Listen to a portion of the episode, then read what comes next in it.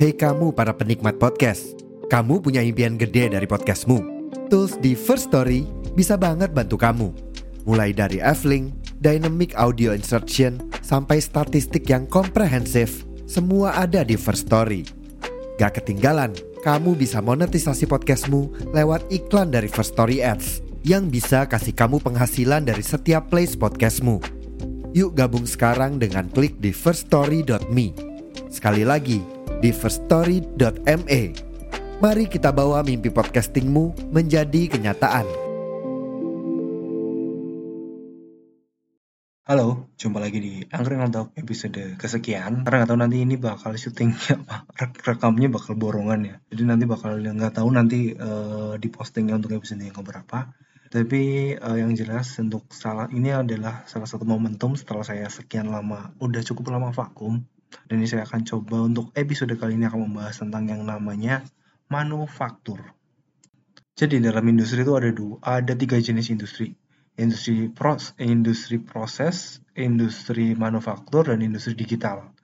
Ini uh, saya referensi dari saya gampangkan aja sih untuk industrinya. Nanti mungkin di luar itu akan ada industri-industri lainnya, industri pelengkapnya. Ini industri yang terkait dengan yang namanya service layanannya ya. Ada yang digital, ada yang proses, ada yang manufaktur. Nah, saya coba akan jelasin terkait yang manufaktur ini. Manufaktur itu adalah sebuah industri yang melibatkan proses yang melibatkan uh, proses uh, pe, apa pemotongan, misal assembly, cutting dan lainnya, tapi tanpa meng, apa, mengubah dari bahan-bahan baku penyusunnya. Jadi besi ya tetap besi, kain tetap kain. Jadi misalnya kayak pabrik mes, mesin itu mesin yang besi, terus kain dan segala macamnya tuh uh, sepatu, garmen dan lainnya tetap kategorinya manufaktur. Jadi tidak ada perubahan-perubahan. Nah itu, nah kalau dibandingkan proses, ini tadi saya nyinggung proses juga padahal sebenarnya proses ya nah ini nah untuk prosesnya tadi kan proses industri manufaktur nah kalau proses industri proses itu berkaitan dengan perubahan susunan kimianya dari bahan-bahan penyusunnya sampai bahan jadinya itu biasanya orang kayak teknik kimia banget ya nah proses engineer tuh yang berkaitan dengan hal tersebut.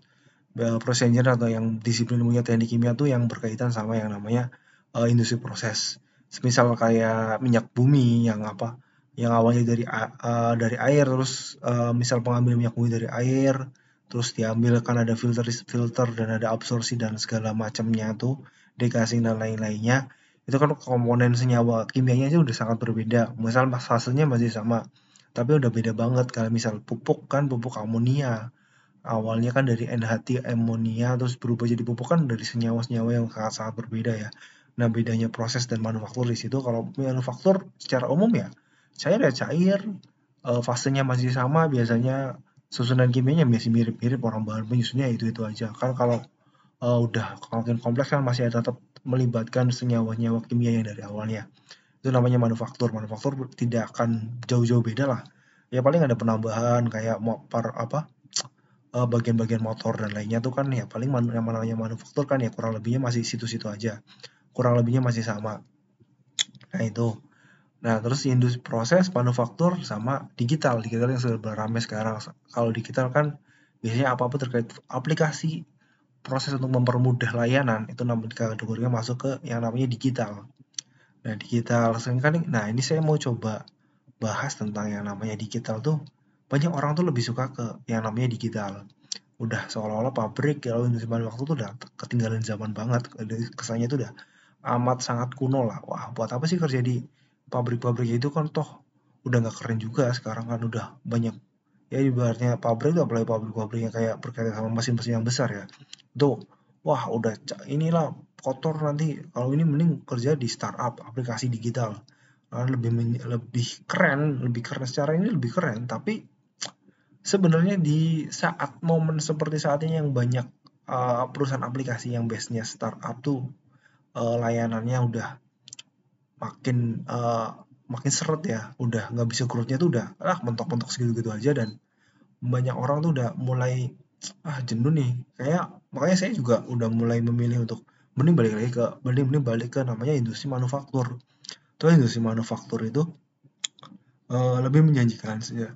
Untuk establish pabriknya tuh bisa biasanya bisa sampai berpuluh-puluh tahun bertahun-tahun dan mereka ya segitu masih tetap berdiri tuh. Meski ya uh, kesannya tuh udah kuno. Ya sistem-sistem pabriknya juga saya akui sekarang tuh saya kerja sini tuh masih oh udah kuno ya udah mereka nggak tahu namanya aktivasi sosial media apa segala macam. Dokumen-dokumennya masih pakai dokumen-dokumen lama yang harus pakai dokumen fisik. Nah kalau di, di dunia yang serba digital kan dokumen itu biasanya ah udah nggak perlu dokumen fisik. Paling ya semuanya serba digital kan ya.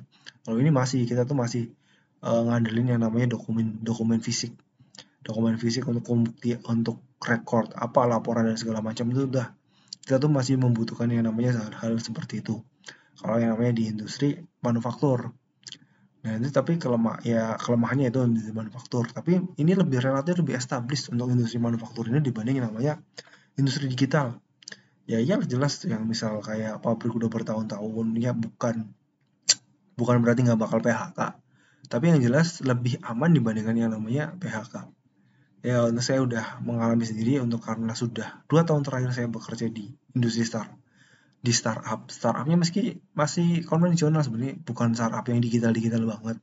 Tapi pola kerjanya di startup sama yang di industri udah pabrik bener-bener pabrik itu oh sangat beda ya. Kalau pabrik itu katanya established udah uh, ya sistemnya udah berjalan jadi udah teratur lah. Kalau misal startup kan kita masih nyoba-nyoba nerka-nerka oh ini mau coba kayak gini terus trial terus gagal. Langsung rubah lagi langsung wah kalau ini kadang kan uh, kacau ya dan terus banyak hal yang tidak tidak uh, tidak sesuai kacau berantakan lah karena karena biasanya nih ini orang-orang yang uh, berdiri di belakang startup ya, ya startup terakhir yang pernah saya join itu lah. Itu tuh orang-orangnya benar-benar orang yang nah, habis.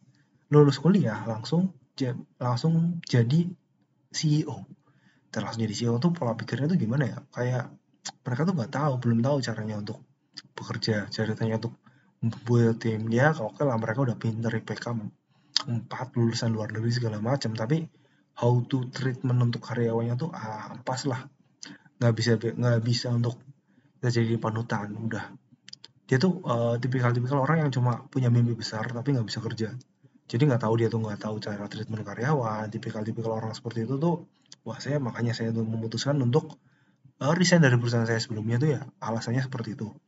Karena saya merasa wah kayaknya udah nggak berkembang nih ilmu saya ini saya udah cukup. Ya tau lah di marketing udah dapat fasilitas kemarin ngobrol-ngobrol sama mentor terkait yang namanya marketing segala macam. Tapi kok ada stagnansi di situ ya? Saya merasa wah kayaknya udah nih saya uh, udah nggak bakal ilmu saya kayaknya masih bakal segini-gini aja. Kalau jadi marketing malah malah kalau dibiarkan malah kayak kemarin saya tuh bakal jadi lebih bodoh uh, ada degenerasi untuk saya bisa uh, uh, ilmu saya malah bahkan jadi kurang malah saya jadi tambah bodoh. Makanya saya memutuskan untuk nyari-nyari perusahaan lain. Nah bakal saya sih nggak uh, berharap bakal dapat kayak perusahaan manufaktur atau gimana ya. Ya memang ini saya kerjanya sekarang di perusahaan service oil and gas, tapi untuk fabrikasi kan saya kerjasama dengan vendornya tuh di manufaktur. Jadi ya kita saya belajar lagi tentang yang namanya perusahaan manufaktur. Saya mengingat-ingat lagi. Dulu juga saya pernah kerja di perusahaan manufaktur macam di uh, pabrik sepatu. Ya itu pola-polanya mirip-mirip sih, tapi untuk lebih yang sekarang tuh lebih kayak workshop. Waktu itu lebih kayak bengkel sih. Jadi perusahaannya emang perusahaan yang sudah cukup lama dan memang uh, industrinya tuh industri yang menempatkan bener-bener kerja keras ya. Kalau misal kayak garment ini ya, uh, garment juga kerjanya keras tapi banyak kan cewek. Kalau di sini memang banyak kan cowok karena kerjanya itu bener-bener kerja yang menguras fisik. Uh, di sini pola para, para pekerjanya, terus pola kerjanya tuh saat setelah kalau misal kalau pabrik kayak gini tuh udah saat set orang-orangnya tuh dan orang-orang divisi-divisinya nah, malah di sini tuh saya merasa wah saya tuh paling muda nah ini kalau kesempatan malah jadi paling muda tuh jadi paling kalau misal bertanya-tanya kan wajar kayaknya udah banyak belajar. Kalau kemarin di perusahaan sebelumnya itu saya ibarat kata masuk golongan orang tua. Jadi yang lain-lain itu masih bocah-bocah semua, kelahiran 2000 masih mahasiswa dan dominannya malah anak magang. Saya harus dituntut mengajari anak magang padahal saya sebenarnya juga nggak begitu-begitu paham amat tentang ilmu yang saya tahu ajarkan. Nah makanya itu aja bingung sebenarnya kalau mau kayak gitu. Hmm, tapi ya, saya udah mentok nih kapasitas diri saya. Wah saya nggak, saya nggak bisa nih belajar lagi. Nggak, nggak ada orang yang bisa saya dapatin buat informasi buat saya tuh mentor saya atau menjadi uh, sumber informasi saya untuk bertindak seperti apa tuh nggak ada waktu di startup tersebut. Nah itu makanya saya ya, saya malah bersyukur kalau misal di sini saya mendapatkan banyak ilmu baru terus banyak rekan-rekan yang secara usia dan secara kedewasaan lebih matang daripada saya lebih banyak belajar lagi dan itu salah satu positifnya industri manufaktur nah semisal ini juga mungkin pesan ya untuk siapa pun yang mendengarkan ini ya teman-teman yang tergila-gila dengan yang namanya digital. Digital tuh ya masih menjanjikan masih cukup menjanjikan tapi ya tak apalah untuk mulai melirik yang namanya industri manufaktur. Industri manufaktur toh sudah terbukti untuk establish meskipun meski sudah kuno dan lainnya mereka tuh udah cukup menjanjikan cukup menjanjikan juga. Apalagi kalau misalnya kamu tuh udah ber, udah cukup profesional di bidang-bidang tersebut. Industri manufaktur masih bisa kamu lirik dan untuk para rekan-rekan yang baru lulus fresh graduate dan segala macamnya mungkin bisa lah coba untuk join ke industri manufaktur. Malah sebenarnya ini malah saya kepikiran kalau misal yang pernah bikin salah itu sebenarnya cuma saya doang nggak ya. Karena waktu itu saya lebih memilih kerja di perusahaan startup daripada kerja di manufaktur ya. Waktu itu udah idealismenya tuh terlalu tinggi ya. Makanya saya udah tampar realitanya sekarang. Ya kalau pengen kerja yang stabil ya mending kerja di manufaktur. Startup tuh ya sekarang ya malah growth-nya terlalu naik naik naik jatuhnya juga jatuh jauh banget. Jadi bisa aja uh, awalnya wah udah dapat posisi segala macam. Bisa aja ternyata malah jadinya uh, kamu kena layoff menjadi malah pengangguran dan lain segala macamnya. Toh uh, bertumbuh apalagi bertumbuh sama yang namanya startup tuh perusahaan rintisan tuh menurut saya hal yang tidak bisa diandalkan. Kalau mau perusahaan bertumbuh dengan perusahaan rintisan ya coba untuk uh, ambil perusahaan rintisan yang udah agak lebih besar dan udah cukup menjanjikan terlebih untuk leadernya ya. Leadernya sudah cukup menjanjikan dan kamu tahu kapasitasnya. Leadernya tersebut itu udah cukup oke okay lah. Kalau misalnya leadernya masih gitu-gitu aja ya ah buat apa? Buat apa kamu bertahan di tempat itu? Ya mungkin itu yang bisa saya sampaikan untuk episode kali ini episodenya mungkin agak random ya. Tapi karena memang saya tuh pengen ngomong aja pengen mencurahkan isi perasaan saya si hal yang ada di otak saya. Ada beberapa episode lagi yang mungkin bisa kamu dengarkan dan um, kesimpulannya apa ya? Kesimpulannya ya manufaktur cukup menjanjikan. Manufaktur ini bisa akan makin besar kalau misal orang-orang tuanya juga orang-orang tua orang-orang tua kita masih butuh masih butuh orang-orang tua bukan berarti manufaktur tuh harus semuanya dari orang-orang muda semua ya. Manufaktur tuh kita butuh orang-orang tua juga karena ada uh, transfer informasi dari orang-orang tua ke orang-orang muda. Mereka yang pengalaman mereka bisa ngasih wejangan masih case-case yang tidak terduganya ke kita semua ke anak-anak yang muda. Karena saya senang sih masih masuk golongan muda. Malah waktu di startup tuh saya masuknya golongan tua. Karena yang lainnya muda-muda semua kelahiran 2000 2001 2002 dan saya 93 udah mau 30 aja masih di situ masih muda. Orang yang ini di atas 40-an udah ya 35 40 lah. Masih golongan muda jadi golongan masih golongan bocah di situ. Oke sekian saja uh, untuk episode manufaktur di kesempatan kali ini. Terima kasih